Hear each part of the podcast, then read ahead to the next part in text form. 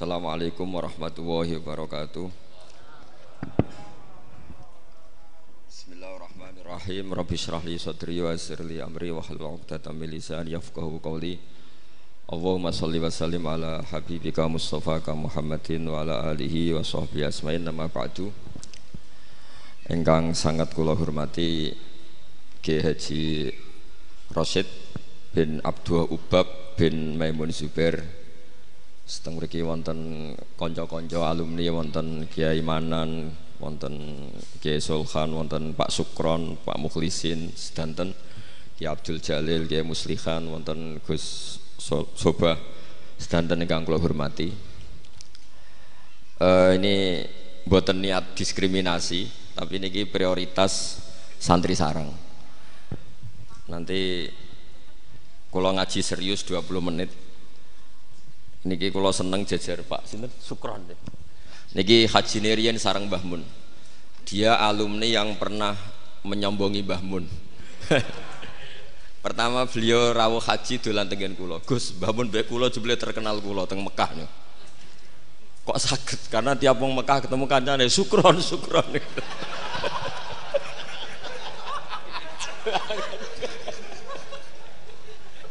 dan itu beliau matur ke Mbah Mun. Mbah kalau tuh mriki terkenal Mbah. Kok iso kron? Tiang-tiang mulai sukron sukron. Ini alumni yang luar biasa nih kakak kelas kulo dua kelas ya.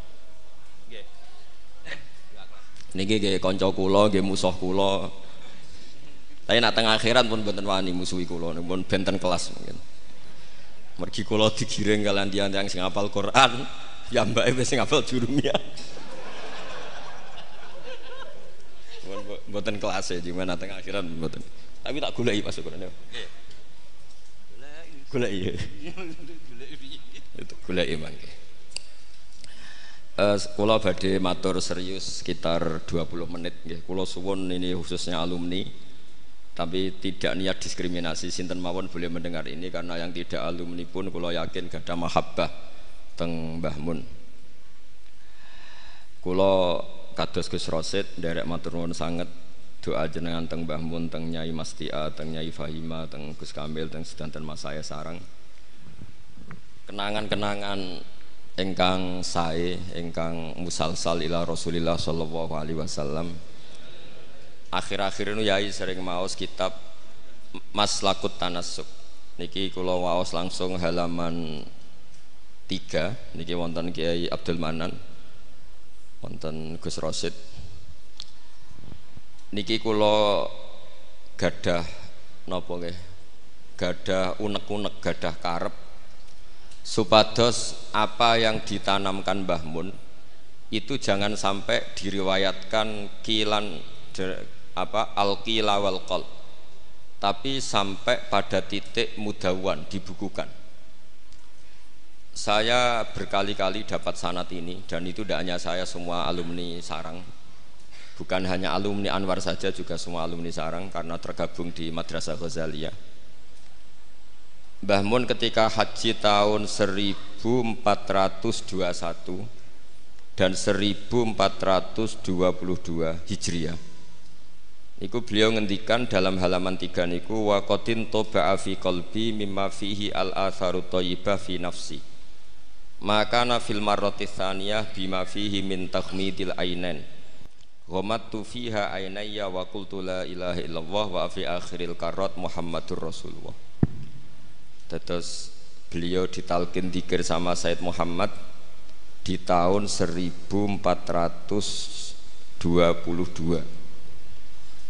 kemudian kitab ini dikarang kalau balen malih kitab ini dikarang beliau hanya punya harapan dan itu dikarang tahun 1422 saat sampunipun haji.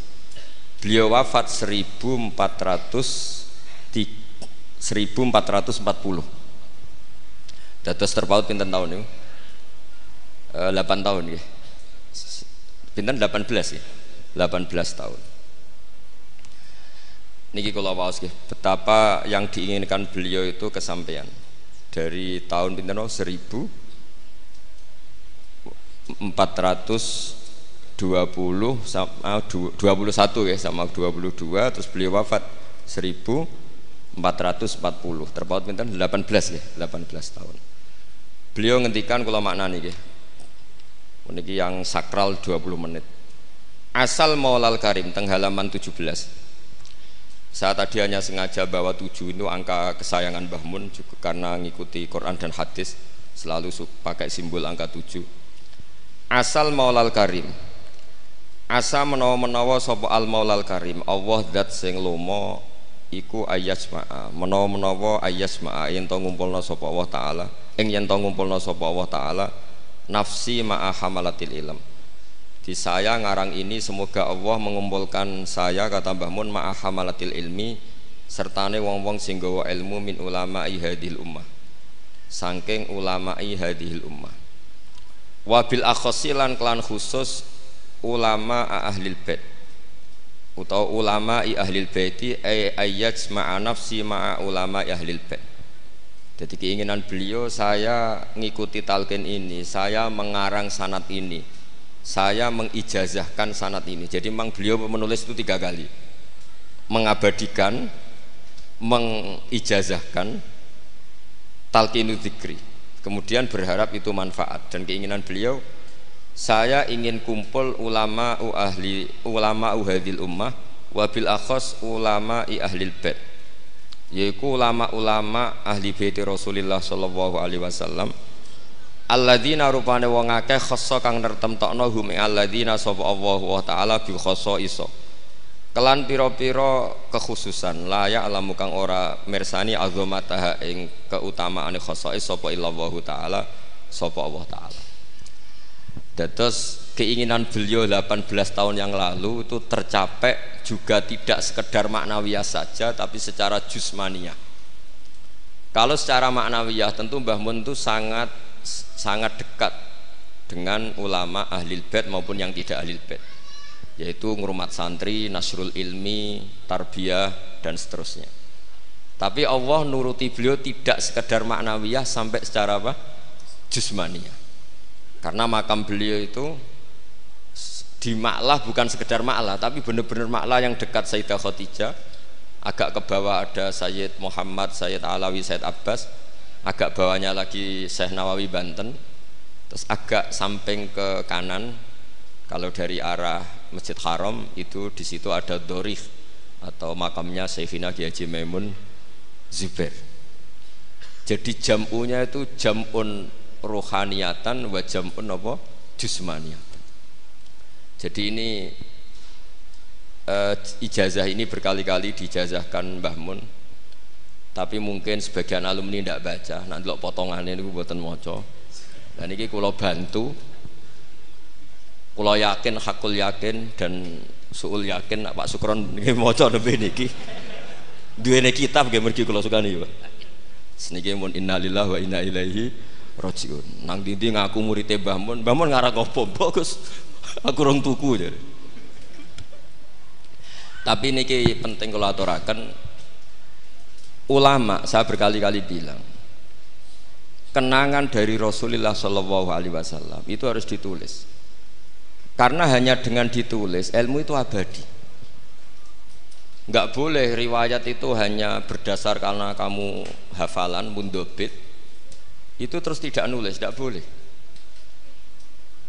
Kita itu punya pengalaman buruk dan itu eman betul. Gini ku fikhul les bin Sa'ad. Allah afqahu min Malik Dewi Imam Syafi'i. Allah afqahu min Malik. Illa anna ashabahu dayya'uhu kata Imam Syafi'i. Les Lais itu orang paling alim alimu misro, faqihu misro. Itu kalau debat sama Imam Malik itu berjilid-jilid tapi ashabu Malik itu lebih peduli terhadap pikiran-pikirannya Imam Malik. Sementara ashabul les itu enggak sehingga enggak ada madhabnya hilang. Jadi nasib ulama yang madhabnya hilang itu les bin Sa'ad. Kemudian Sofyan bin Unayanah. Ini semua gurunya Imam Malik. Sofyan Asauri juga gurunya Imam Malik gurunya Imam Syafi'i.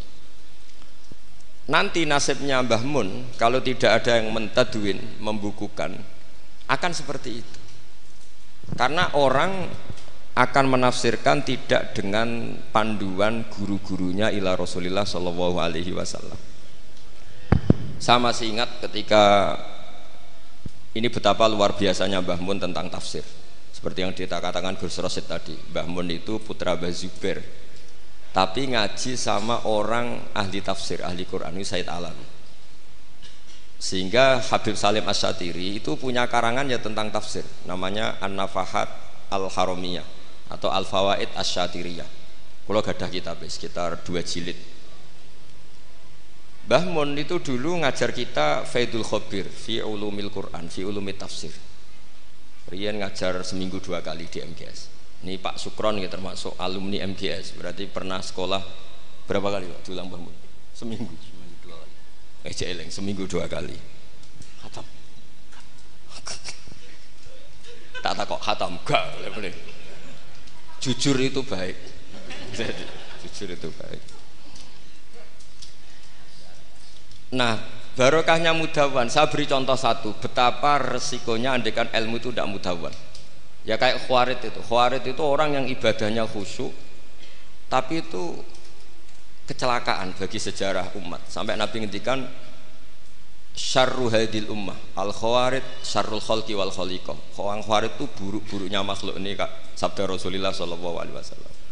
Karena orang khawarid itu menganalisis nubuah itu dengan pikirannya sendiri. Bukan dengan pikiran sing mudawan musalsal ila Rasulullah sallallahu alaihi wasallam. Saya beri contoh yang paling gampang ketika Nabi Fathu Mekah itu kan corong Jawa kudune kaul kaul itu semangat tawaf tapi Nabi unik, semua sahabat itu tofu mus'atan, semua tawaf secara jalan kaki. Padahal kayak apa kita diusir dari Mekah, kayak apa kita meninggalkan Mekah secara tidak terhormat. Mestinya Fatu Mekah yang diperjuangkan mati-matian itu menjadikan hal yang luar biasa. Dan kita punya kaidah al ajur bi kodrit taab bahwa pahala itu sesuai tingkat kesulitan. Tapi Nabi itu unik, semua sahabat itu tawaf jalan, tapi Nabi itu tawaf rokiban. Nabi dengan santainya naik unta kemudian beliau tawaf. Itu andai kan tidak ditadwin tidak dibukukan oleh ulama-ulama termasuk Imam Nawawi yang ngarang majmu. Maka orang khawarid atau yang sejenisnya nggak usah diterjemah garis keras atau garis apa nanti sensitif. Pokoknya khawarid dan sejenisnya.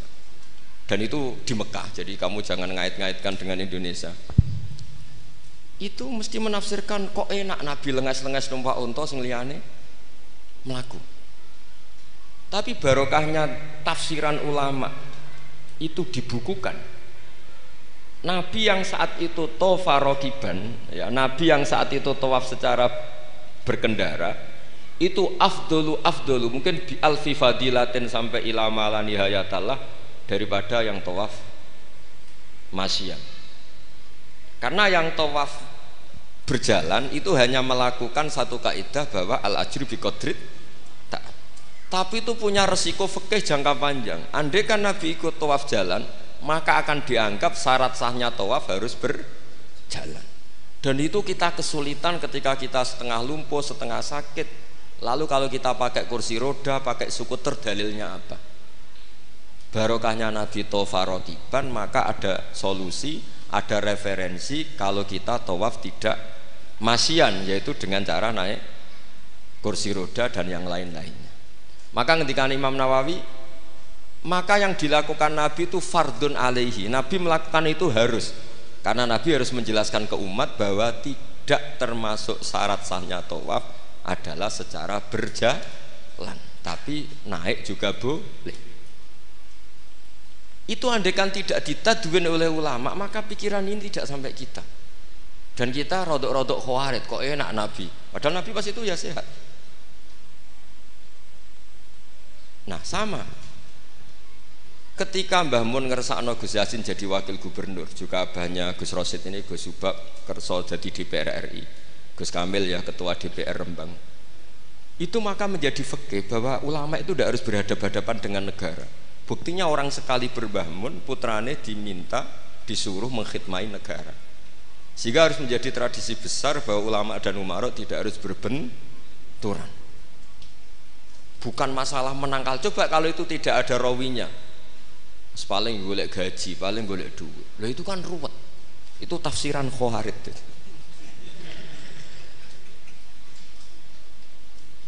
jadi lo saya itu punya sanat mutasil saya berkali-kali ketemu abahnya Gus Rosid beliau juga guru saya Gus Subab semuanya itu ketika beliau menolak itu bangun maksa. Gus Kamil dulu pertama disuruh jadi DPR ya menolak sampai pernah transit di dalam saya di Jogja itu tiga hari. Dan Mbah Mun akhirnya sampai duko harus mau. Tapi lama-lama kita tahu bahwa beliau ingin menyelamatkan Indonesia bahwa Indonesia nggak perlu dipertentangkan antara ulama dan Umar. Nah itu harus terus. Karena kalau kita ingin versi tertentu pasti Indonesia itu chaos chaos itu ya chaos lah. Guru hara. Kalau guru hara terjadi safkut dima pengaliran darah. Yang dosa kita. Makanya Mbah Mun sering cerita ke kita. Saya tidak pernah bilang saya ke kita. Semua santrinya levelnya sama karena sama-sama dengar. Bedanya lali beeling gitu dok. Ambek paham sama ada tidak paham itu dok. Sebetulnya saya ingin bilang saya karena saya berkali-kali khosoni bidalika syekhuna. Tapi kita kita semua sama lah. Sama-sama mutawatir sama fikhus siasa atau fikhul imamah atau fikhul khilafah terserahlah bahasa sampeyan. Itu juga harus diwariskan. Sehingga dulu sampean tak cerita nih dulu yang semi-semi khawar itu ya sudah banyak. Wah nabi itu harus ngomong akhirat terus masa nabi jabat? Oke dari segi jabatan itu duniawi kesannya buruk karena jabatan itu duniawi. Tapi kalau dibalik atardo ayyaku nasolihu tahta yadi zalim kue ridho kalau orang-orang yang nggak sholat, gak cewek, gak istinja, mimpin wong soleh. Mesti harus dibalik, harus membolehkan orang soleh yang mimpin orang dolim, jangan dibalik. Wong soleh bokon yang masjid kabe wiridan kabe dipimpin wong dolim hanya karena kamu mengharamkan politik. Jadi orang tuh harus ngerti. Makanya ketika beberapa nabi itu harus kita tahu ada nabi yang ngaji terus kayak Nabi Yahya, Nabi Isa. Ada yang nabi yang seumur umur itu jabat kayak Nabi Dawud, Nabi Sulaiman. Kamu boleh niru Nabi Dawud, Sulaiman jabat, tapi nggak boleh meniru istrinya seribu. Itu empat saja masalah kita. Ya. Sitok wais kudu pegatan ya gitu rai. Rai-rai gak meyakinkan ini satu aja sudah. Tapi itu tidak saya loh. Jadi sampai Allah menurunkan ayat am yahsuduna nasa ala ma atahum fadli. Faqad ataina ala ibrahim alkitaba wal hikmata wa atainahum mulkan azim jadi ada orang-orang soleh yang oleh Allah disebut bahwa mereka itu jabat. Gini ku alu Ibrahim. Ada banyaklah orang-orang soleh yang jabat. Mereka adalah orang-orang yang tak kasih kitab tak kasih hikmah tapi ya wa atainahum mulkan azim nah, Ketika Mbah Hasim di putra Gus Wahid jabat, dulu Mbah Wahab Hasbuwah di anak Gus Wahib juga jabat. Mbah Mun punya putra Gus Bab, abahnya Gus Rosyid dulu ya di PRRI, Gus Yasin wakil gubernur. Ini kita sebagai muridnya Mbah Mun bukan melihat urusan jabatan, urusan bahwa kita ikut berbakti sama negara. negara. Makanya ketika Mbah Mun kapundut hari Selasa tanggal 5 Dzulhijjah itu saya masih ingat betul ketika itu saya di dalam ada Gus Subab, ada Gus Naji, ada Gus Kamil, ada semua lah. Itu mereka itu kelihatan apa ya, masih nggak sadar kalau abahnya wafat. Kelihatan seneng. Senengnya itu karena mereka menyaksikan betapa yang diinginkan Mbah Mun itu kesampaian.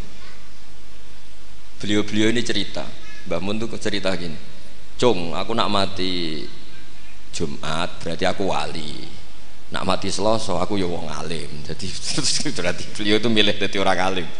Jadi dia rileks terus ada beberapa apa ya uang lah atau apalah. Kata beliau sama Gus Subab bilang ke Gus Subab bab ya aku nak teko balik no nak teko bagi dengan anak-anak. Jadi semua dipersiapkan. Sebegitu mudah beliau melihat kematian melihat kabundut melihat seringan itu karena kerinduan seorang wali atau orang soleh kepada Allah itu rindu sekali. Dan ini kita harus punya riwayat dan itu menjadi fikih besar. Gak boleh kamu pakai fikih khawarid. Kiai kok jabat, kiai kok kedonyan. Misalnya ono kiai wong soleh ora oleh kedunya, terus saiki wong salat buruwe wong ra salat, kowe rido. Wong salat buruwe wong ora salat. Mergo sing salat mbok kon melarat. Dadi nak fikih aja fikih khawarit. Fikih sing bener maca majmu. Nak ra iso maca jerone maca judule. ya tenan enak. Mungkin Pak Tony Pak Sukron karena dia di Mekah lebih terkenal ketimbang Mbah Mun katanya itu Mbah Mun sampai tertawa-tawa Mbah jebule jenengan mriki terkenal kula kok iso kron lha niku tiyang tunggal dalam ini sukron sukron ya jadi Mbah Mun punya murid ya macam-macam. Ada yang kayak saya ada yang kayak Pak Sukron. Makanya saya pertama datang Sukron tikur dereng enten. Celuk nak agak teko agak gelem isi terus datang.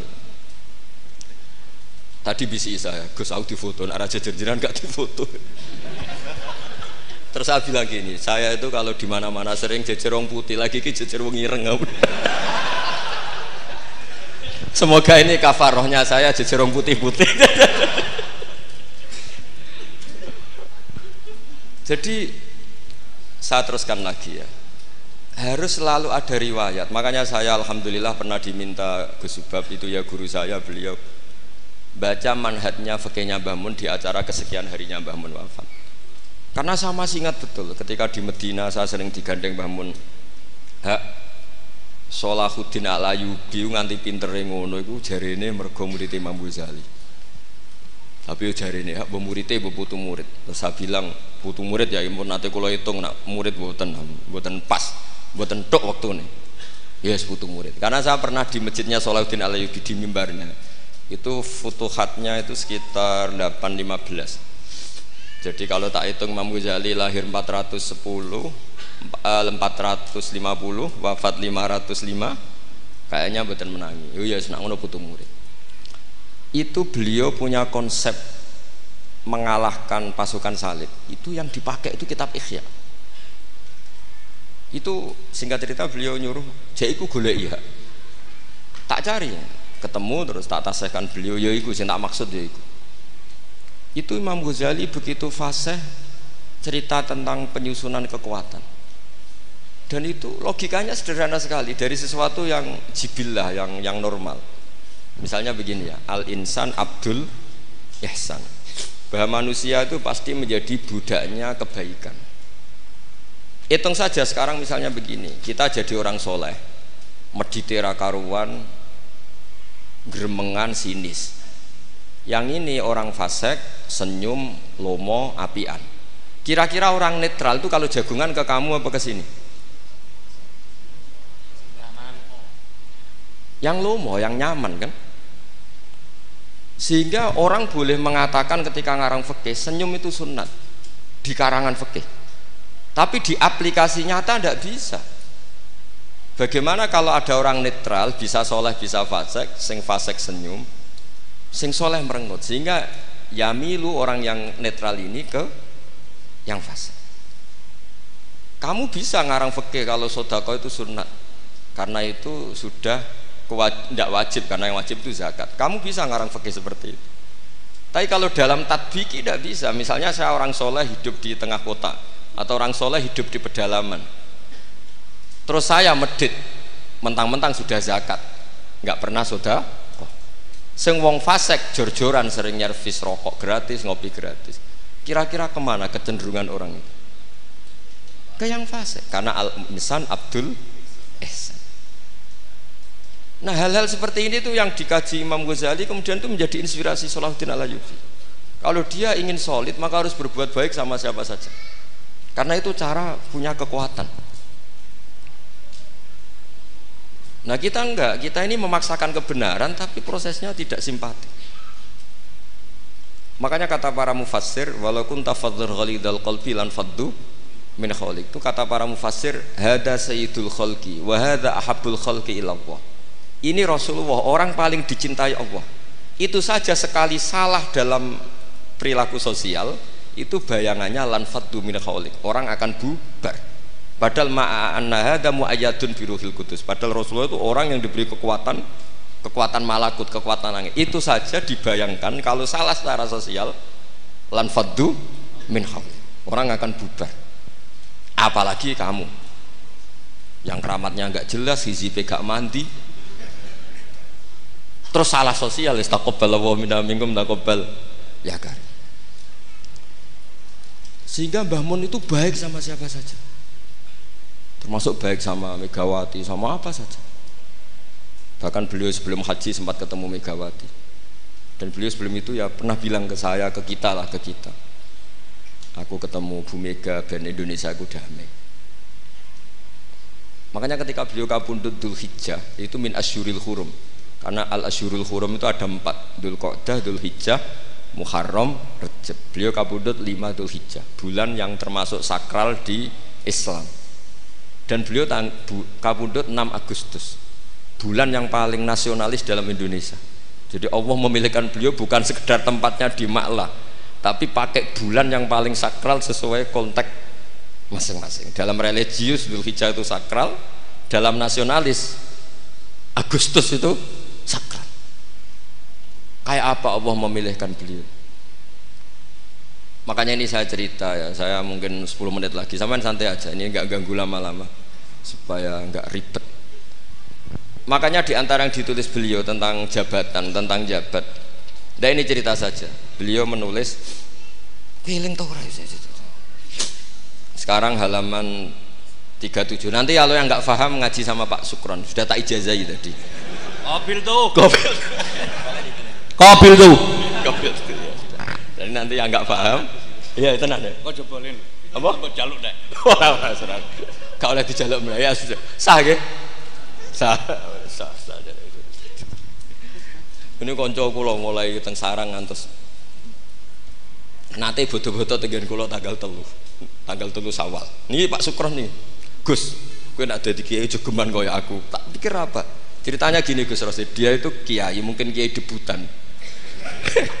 Dia dengan santainya cerita Man soma Ramadan Suma atba'ahu sitan min syawal Faka nama somat daro kullah Jadi puasa Ramadan kemudian puasa 6 hari syawal Maka seakan-akan puasa singkat itu ada orang lugu puasa tanggal 2 ini. Dua sawal puasa. Soan Pak Sukron pas kiai ini rokok. Terus kata orang lugu tadi getun Pak aku anut jenengan jebule jenengan gak poso saya bilang lah lah opo ke dalil kono barang ulah opo? Dalil liane ya kena. Tapi itu kearifan. Menurut saya dia cerita itu kearifan. Maka ini warning ya. Siapa pun yang ngiyai jangan dalil sesuatu sing ra iso nglakoni.